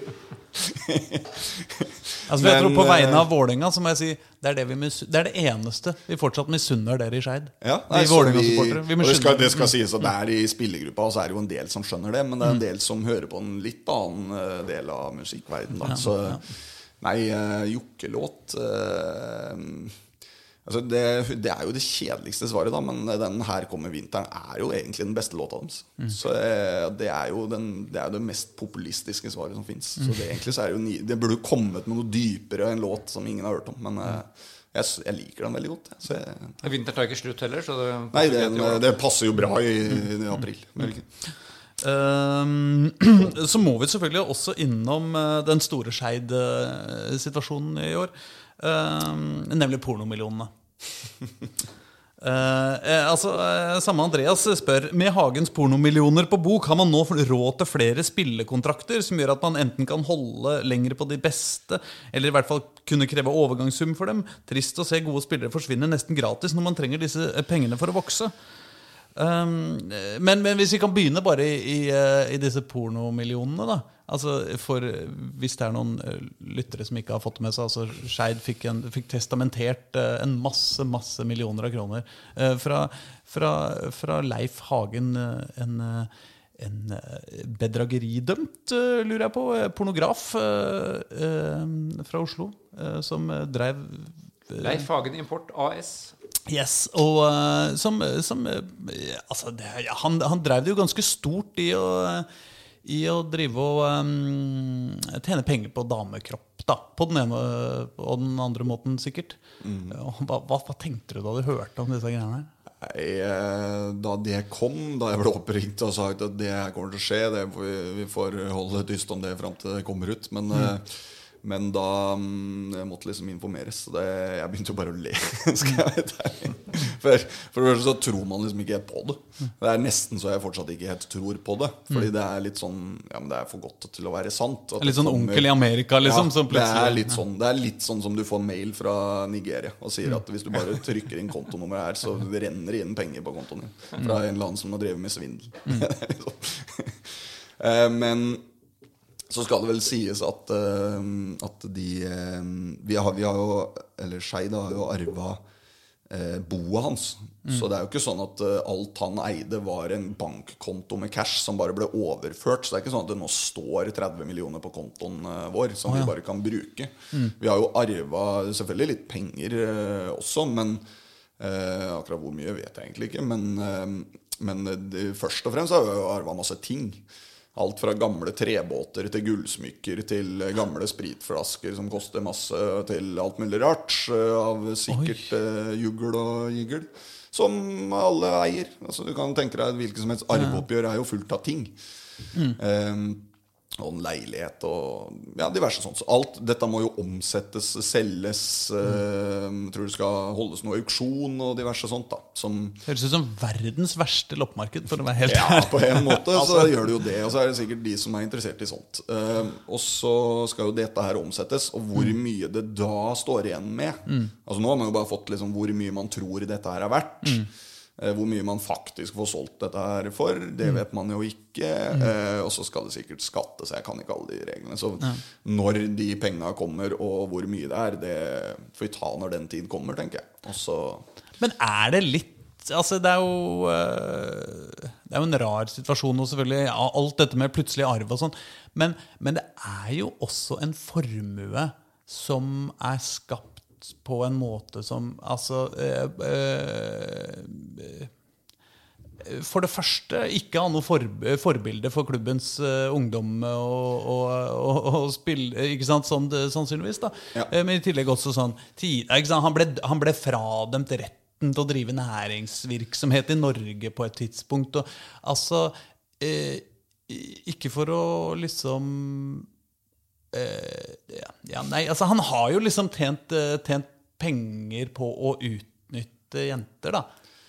Eh, på denne eller den andre måten. Ja. Altså, er det noe moralsk, eh, politisk eh, tenker, Fører det med seg eh, noen føringer på noen måte? Ja, det gjør det. Vi, vi tenkte jo, vi diskuterte det mye og før man på en måte skulle gå opp med dette her og helt tatt vite om man skulle akseptere ting og sånn. Og så er det jo, kall det, Man kan jo bruke det som et standpunkt uh, for å stå opp mot sånt noe, men eh, Samtidig, jeg tror det er liksom det beste måten å gjøre det her det, så det hadde vært helt uaktuelt å fremme det han holdt på med. Eh, på noe som helst måte. Sånn, det er ikke det vi driver med. Eh, men eh, hvis han motsatte, igjen ja, på, Hvis han ønsker å legge igjen de pengene her, eh, så er jo den beste måten å gjøre det på, er jo da å, at eh, neste generasjon barn og unge, og ikke minst da jentefotball, mm. får enda bedre rammevilkår. Og sånn at de penga kan faktisk være med til deres beste i framtida isteden.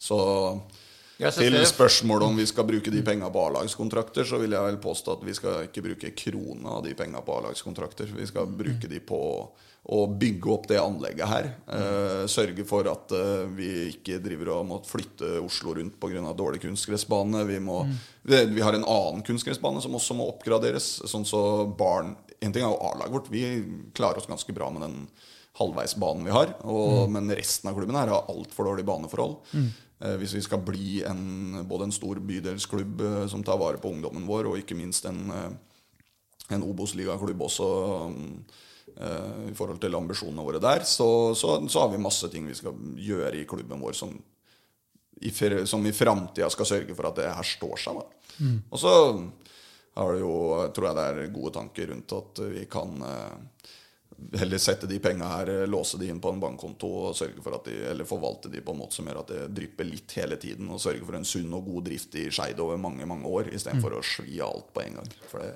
det tror jeg Skeid har gjort før. Ja, Det er fullt mulig å bruke 30 millioner på en sesong. Eh, Ja, det blir en artig sesong, men Og det, det høres jo vanvittig mye ut, ikke sant? Men uh, hvis man ser på hva budsjettene til de beste klubba i, selv i Post Nord-ligaen er de siste åra, så hadde vi jo Det er jo så vidt vi hadde vært det laget med størst budsjett om vi hadde brukt alle penga på en gang.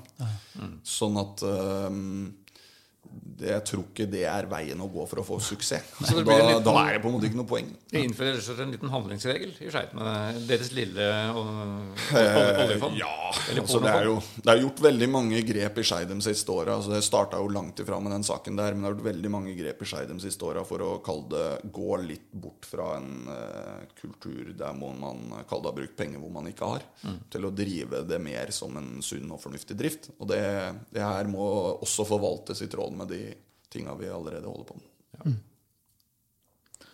Ehm, hvordan uh, Espen B, uh, som er en uh, Vålerenga-mann, spør Han påpeker først at det er moro å se deg i Skeid, og sier du er hel ved og en flink fyr. Eh, men han spør også om hva som er den sportslige målsetninga i år, og om, om dere har noen planer om å, om å rykke opp videre. Eh, har dere liksom Drømmer dere om Eliteserien igjen? Ehm, skal vi si, men Målet til alle fotballag er å bli litt bedre enn i fjor. Så vi må bli litt, Målet vårt er å bli litt bedre enn i fjor. Og hvis vi er litt bedre enn i fjor, så er vi ganske nærme å, å rykke opp. Ja, for det kom da til kvalifisering til opprykk i fjor. Ja, ja. Ut på straffespark. Konkurranse mot Asker. Så da målet vårt er jo å utvikle oss enda litt videre. Og både være enda litt bedre. Og vi, vi har en ambisjon på sikt om å være en klubb der hvor vi Kall det har hovedstasjonen vår i Obos-ligaen. Eh, også, for det tror jeg liksom størrelsen på klubb og alt mulig sånn passer veldig godt til. Eller det er et eh, fint ståsted. Også når vi først kommer oss dit, så kan vi jo prøve å bli litt bedre når vi er der òg, men det får vi ta når vi, vi får ta et steg av gangen. Så, så vi, vi driver ikke og prater så fryktelig mye om Eliteserien. Det gjør vi ikke. Men vi, vi skal eh, bli litt bedre der vi er nå, og da, og da er det et naturlig neste steg å ta og prøve å komme oss opp en divisjon. Det det. En, eh, en eh, interessant ting på, på, i, i, veien, eventuelt opp og fram. eh, kommer sånn delvis fram i spørsmål fra Jonny Normann Olsen. Enda et spørsmål fra han. Hva syns du egentlig om kunstgresset på Nordre-Åsen? Det er eh, Det syns jeg mye om. Og så prøver jeg å bruke minst mulig energi på å synes tenke noe på det, skal jeg være ærlig. Mm. For jeg får ikke gjort noe med det.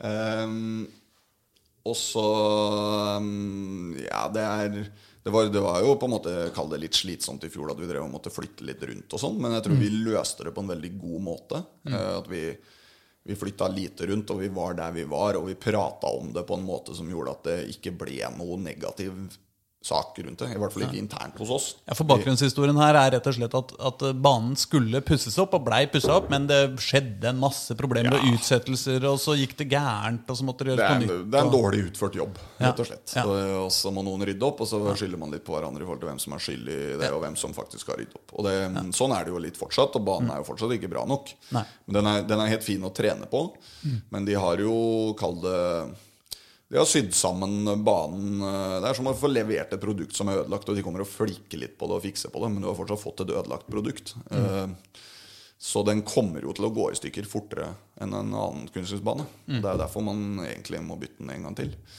Men eh, per nå så er den veldig fin å trene på. Så mm, det er bare at holdbarheten på den kommer jo til å være veldig mye dårligere enn en, hvis vi hadde fått et helt produkt. Da. Eh, og det, det må noen ta, de som uh, la den kunstgressbanen, ta regninga på. Så får de krangle og finne ut hvem det er. Det, det kan ikke jeg bruke noe energi på, men uh, den er firkanta, og den har streker, og den har mål igjen, og litt sånt, så vi får gjort det vi skal. Men dere har en større drøm her også, om å bygge noen noe tribuner og Ja, og um, allerede så begynner det jo liksom å bli litt mer sånn uh, tribune på ene sida, litt med tak der. Og i fjor så gadd vi ikke sette opp der. Den ligger egentlig pakka ned bak den andre tribunen. Så står tribunen for den ene langsida. Så vi har jo egentlig tribune til den andre langsida, og da blir det en liten sånn fin ministadion. Eh, Men i fjor fikk vi jo ikke lov til å ha noe publikum, så det var ikke noe vits i å bruke masse jobb på å sette opp noe. Når vi måtte tatt det ned for å flytte kunstgresset igjen. Sånn at eh, så fort vi får ting på plass der, og det åpner seg opp for publikum, så blir det liksom tribuner rundt hele banen. Og vi jobber hele tiden for å liksom gradvis oppgradere anlegget her litt. Eh, Så ligger det noen planer her eh, i bakgrunnen som vi og på litt lengre sikt håper å kunne ta over hele området her fra Oslo kommune. eh, Og, og ta over driften og sørge for det. Og da, da åpner det seg noen litt nye muligheter i forhold til hva vi kan gjøre her. Så, men det, det igjen, det får noen andre svaret på hvordan det skal være, for det har jeg egentlig ikke så veldig mye Ja. Jeg blander meg ikke så mye borti. Men jeg har et veldig konkret spørsmål der, fra en som heter Eilif. Ja. Som kanskje mange har stilt. Får vi se Daniel Bråten i Skeid i 2021? Det er det ganske mange som har spurt om. Det har du hørt før i år. Daniel er eh, Daniel er eh, velkommen, han. Eh, jeg har ikke snakka så mye med Daniel. Jeg, Skal jeg, jeg har vel egentlig ikke snakka med han siden sesongen i fjor. Eh, vi, har, vi har vel egentlig blitt enige om å utsette det gjennom vinteren. Og nå som, eh, nå som eh, ting liksom står litt på Vi vet liksom ikke helt når vi får starte, og litt sånn, så lar jeg det egentlig bare være. Og så kan det godt hende vi tar en prat med Daniel igjen. Men eh, hvis han har lyst til å være med, så er jo han en, han er en så proff fyr og en så bra trent en, en, en både spiller og person som tar vare på seg sjøl på en sånn måte som gjør at han fort kommer i form. Da. Så jeg er ikke så veldig bekymra for om at han trener litt på egen hånd nå. Eh, vi får han inn i laget, og han er så god òg at det gjør liksom ikke noe. Men eh, samtidig så bygger vi jo laget med en plan og en tanke uten han, på en måte. Altså, Ja, for I fjor brukte du vel han på samtlige plasser, bortsett fra keeper. eh, ja. Som en sånn eh, Han spilte alle posisjoner utenom keeper i fjor. Og det, det, det sier jo litt om kvaliteten hans. Jeg syns han var andredivisjons desidert beste forsvarsspiller når vi brukte han bak der. Og så kunne han spille sentralt på midten, og han er jo en ganske bra angriper òg. Fra gammelt, da. Så vi brukte han jo mye der òg. Han sk- Han skårte vel sesongens siste mål. Det gjorde han òg. Ehm, så han beviste at han kan ting i begge hender, han i den kampene der. Der var han veldig, veldig god. Så Men det det er, er det er plass til Daniel hvis han har lyst, men uh, det er litt sånn Det er både Det må være Altså, vi gidder ikke mase på han. Og vi, det, vi skal være et lag der hvor alle som er der, har lyst til å være der. Så hvis uh, han har lyst til å gjøre noe annet enn fotball snart, så skal han jo få lov til det. Han skal slippe at vi driver og ringer han hver eneste uke. Ja, men publikum Noen må mase på vegne av publikum. Og det er det, det er det som er din jobb. Vi andre som har lyst til å se Daniel eh, Bråten spille fotball og uh, gjøre magi. Ja, det skjønner jeg. Ehm, så mm, hvis ikke han tar på seg skoa, så skal vi sørge for at han er her for å underholde publikum. Ja, ja, men det er greit. da Han kan i hvert fall trikse litt på oppvarminga. han, er, han er velkommen både med fotballsko og uten fotballsko. Daniel. Men ehm, og i tillegg så får vi jo sørge for ehm, at eh, det kommer noen nye spillere opp og fram i det Skeid-laget her da, som begeistrer like mye som eh, dere ikke vet om ennå. Ja. Nei, Vi kan ikke basere oss på en 38-39-åring som er eldre enn treneren. Nei, han, eh, han er vel eh, Det er ikke han som liksom har den lange, gode framtida i klubben. Det har han ikke sånn på laget. Men han eh, er så god at er du god nok, er du gammel nok. Og det må jo gå alle veier. Så hvis du er god nok, skal du fortsatt få lov til å være med. Enkelt og greit. Men da tror jeg kanskje vi begynner å nærme oss slutten. Ja. Du har Ja, et møte ett- for en halvtime siden. Altså. Ja, vi er langt på overtid, men, men noe helt annet. Altså, hvilken fotballregel ville du endra først, hvis du hadde hatt makt til å gjøre det? fotballregel. Det er ikke VAR innført her i Norge ennå, så vi slipper å Nei. ta den debatten. Men, eh, men av de som Fotballen har jo veldig konservativt regelverk, og det er vanskelig å endre ting. Um, det er jeg litt uran usikker på. Eh, skal jeg være helt ærlig, så syns jeg vel kanskje fotballdebatten i Norge handler altfor mye om regler og dommerprestasjoner enn hva det burde gjøre. Så eh, jeg vet ikke om jeg har lyst til å, til å bli med på det kjøret. Kan jeg svare det? Det kan du svare. Det, Jeg, jeg har lyst til å slå et slag for at vi skal snakke om noe annet enn regler. Ja. Ok, men uh, hva med å, å Jeg har nemlig et, et forslag. Eh, og jeg lurer på hvordan du som, eh, som eh, trener litt ned i, i toppfotballen tenker om det. Jeg syns man burde forby utlån av spillere. Fordi det gjør at liksom alle de beste talentene havner i de største klubbene, og så bare låner de ut de de ikke helt har plass til akkurat der og da, og så ender det opp med at lag lenger ned i systemene bare må, bare må låne og låne spillere for å greie å holde, holde følge. Jeg kan ikke si jeg er helt enig i det. Nei, um, jeg tror det der Jeg tror de største talentene kommer til å havne i toppklubber uansett åssen du vrir og vender på det. Ehm, og at man får noen ordninger der hvor man uh, nettopp kan gi de største talentene spilletid ut, eh, utover at de må spille det i de toppklubbene som eier dem. Eller eier eh, rettighetene deres. Da. Det tror jeg bare er bra for norsk fotball. Så jeg tror det er veldig bra den der utlånsordninga som har kommet nå som, eh, de senere åra, som gjør at unge, talentfulle spillere som sitter på mm, Som er i A-stallen, men ikke helt får spille på A-laget i de største klubbene, får lov til å få erfaring og spilletid på det nivået. Og det at vi har andrelaga i seriesystemet, er et kjempepluss. Eh, og jeg vil påstå at de aller aller fleste ligaene i Europa som driver god spillerutvikling, som er best på det, de har jo akkurat det samme systemet med andre lag i, eh, i eh, seriesystemet. Og enkelte av de landene som ikke har det, eh, de er jo veldig opptatt av å få det. Fordi de ser at det er et konkurransefortrinn for, eh, for fotballen som helhet. Man syns kanskje det er litt slitsomt at man må spille seriekampen på mandag mot eh, Odd 2 istedenfor å spille den på lørdag. Eh, akkurat den ene uka det skjer. Men eh, for fotballen som helhet og for norsk fotballs utvikling så er det veldig veldig bra at vi har de laga. Der har jo ikke alle ø, trenerne med deg. Det er veldig mange som snakker først og fremst for seg sjæl her og nå. Men for norsk Og da skjønner jeg at de syns det er litt slitsomt med de andre laga. Men, eh, men eh, det tror jeg er en misoppfatning. For det første så er det ikke så ujevne lag lenger. Det var det før i tida. Men laga får bare lov til å ha med tre mann over 22 år. Så det store skiftet der hvor de liksom ene uka spilte veldig bra lag, andre uka veldig dårlig lag, det er ikke sånn lenger. I hvert fall ikke i andre divisjon. Det kan nok være et større problem nedover i seriesystemet. Men eh, i andre divisjon så får du på en måte ikke den problemstillinga lenger. Vi brukte like mange spillere på Skeid sitt A-lag i fjor som vi gjorde med Vålerenga 2 når jeg trente de. I løpet av sesongen så er det ikke noe mer utskiftning på spillere. Nei. Og det, mm, som vi sa i stad, det, det er ikke den helt store poengforskjellen heller. Og, men plussen, oppsiden, er så stor. Hvis du ser hvor mange unge spillere som får mulighet til å spille på Vålerenga 2, Odd 2, Rosenborg 2 i andre divisjon nå, så er jo det det er jo mer enn alle de andre hva blir det, 32 pluss 28 minus de tre da, eh, klubbene i norsk toppfotball. Da. Ja. Så det er jo en kjempearena for unge spillere å få spilletid. Og den må de ha hvis norsk fotball skal nå måla sine. Til slutt her, Dere møter jo da opp på annet lag, Odd 2 i år og Rosenborg 2. Men hvem skal hindre dere i å rykke opp? Hvem er favoritten i avdelinga? Eh, ikke de to, eh, for de kan ikke rykke opp. Eh, men eh, det tror jeg er en, egentlig en ganske åpen avdeling. jeg. Tror vi skal eh, være klare til å være minst like gode som det vi var i fjor. Eh, og så vet vi jo ikke helt hva, hvor, om det holder, for jeg ikke, kan ikke kontrollere hva motstanderen gjør. Men jeg tror lag som Arendal, Egersund og sånn er helt sikkert der oppe.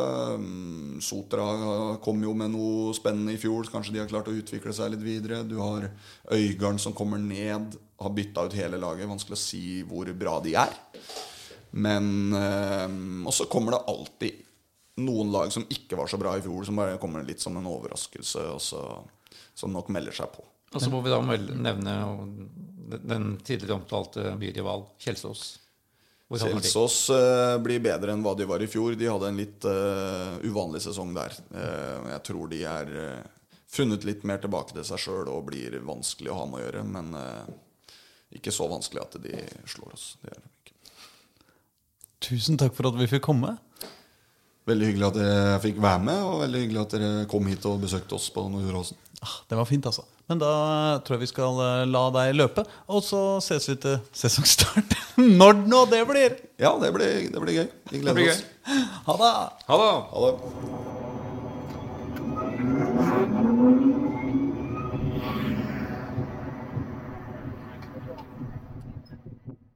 Du har hørt en podkast fra Dagsavisen. Ansvarlig redaktør heter Andreas Heen Haaland Karlsen.